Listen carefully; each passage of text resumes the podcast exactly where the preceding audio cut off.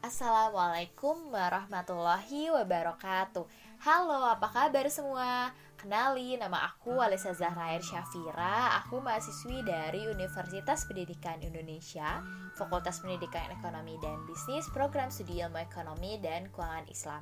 Oke, sesuai judulnya aku mau infoin nih tentang apa itu zakat profesi. Tapi sebelum ke bahasan itu aku mau jelasin tentang apa itu zakat. Nah, zakat itu berasal dari bahasa Arab, yaitu zakat dalam segi istilah adalah harta tertentu yang wajib dikeluarkan oleh orang yang beragama Islam dan diberikan kepada golongan yang berhak menerimanya. Zakat itu dari segi bahasa berarti bersih, suci, subur, berkat, dan berkembang. Hukum zakat itu adalah wajib fardu atas setiap muslim yang telah memenuhi syarat-syarat tertentu. Hak zakat terdiri dari penerima dan haram yang menerimanya. Nah, yang jadi penerima itu siapa aja sih? Ada fakir, miskin, amil, mu'alaf, hamba sahaya, gorimin, visabilillah, dan ibnu sabil.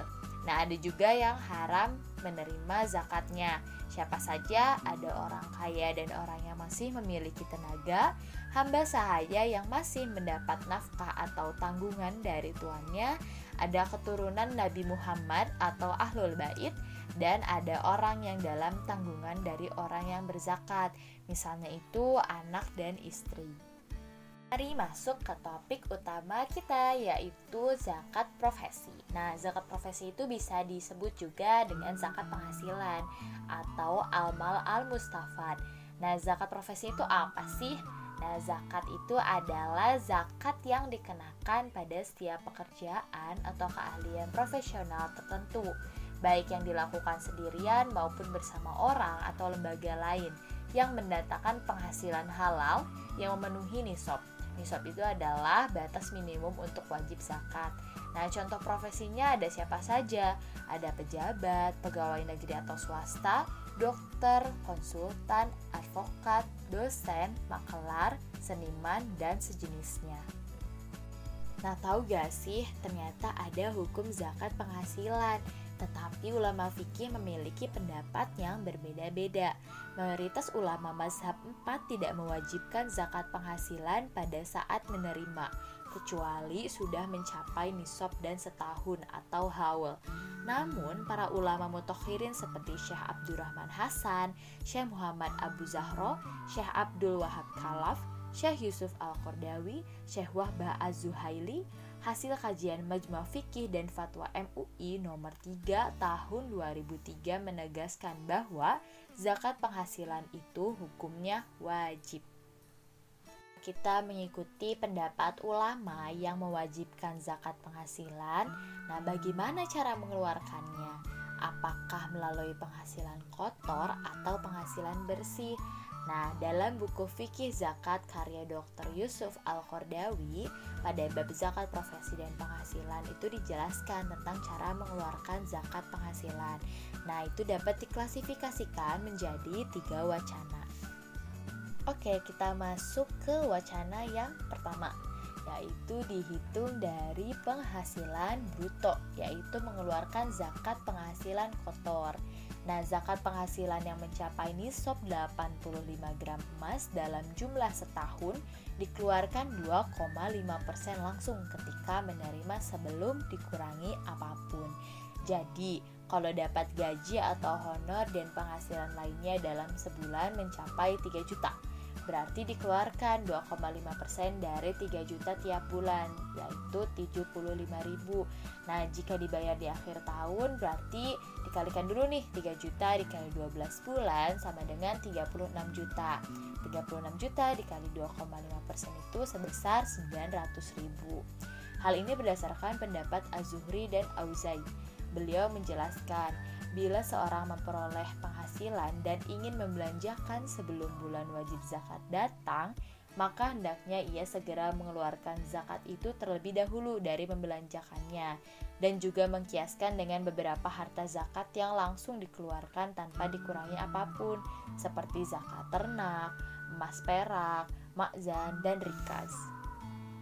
Yang kedua, dipotong operasional kerja, yaitu setelah menerima penghasilan gaji atau honor, maka dipotong dahulu dengan biaya operasional kerja.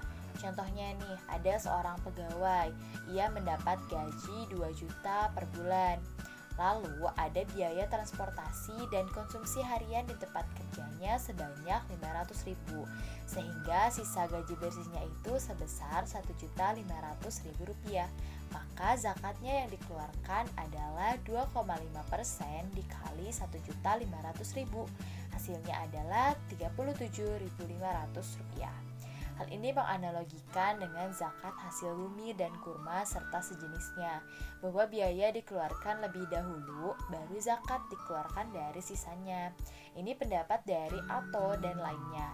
Dari itu, zakat hasil bumi ada perbedaan persentase zakat antara yang diairi dengan hujan yaitu 10% dan melalui irigasi 5%, sedangkan untuk zakat profesi ini 2,5%.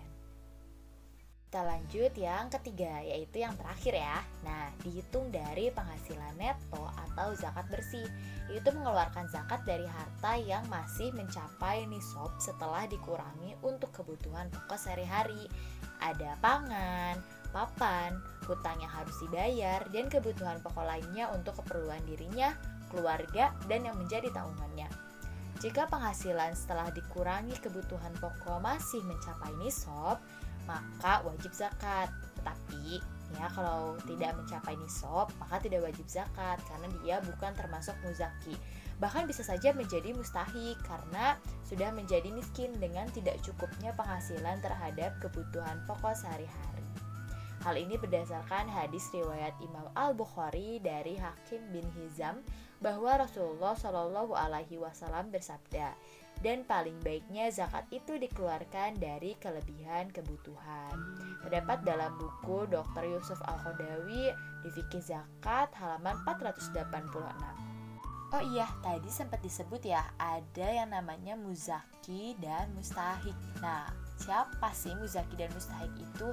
Nah, muzaki itu adalah orang yang wajib membayar zakat, sedangkan mustahik adalah orang yang berhak menerima zakat. Dalam negara kita, khususnya di Indonesia, telah diberi kemudahan untuk membayar zakat profesi. Kenapa? Karena ada beberapa lembaga zakat yang bisa digunakan untuk membayar zakat profesi. Yang pertama ada Basnas atau Badan Amil Zakat Nasional. Yang kedua adalah Zismu. Yang ketiga ada Rumah Zakat. Yang keempat ada Dompet Duafa dan yang kelima ada Kita Bisa. Lembaga-lembaga ini dapat dipercaya untuk membayar zakat kita. Oke, cukup sekian informasi yang dapat aku sampaikan di podcast kali ini. Semoga bermanfaat bagi para pendengar dan terima kasih telah mendengarkan podcast kali ini. Wassalamualaikum warahmatullahi wabarakatuh. See you.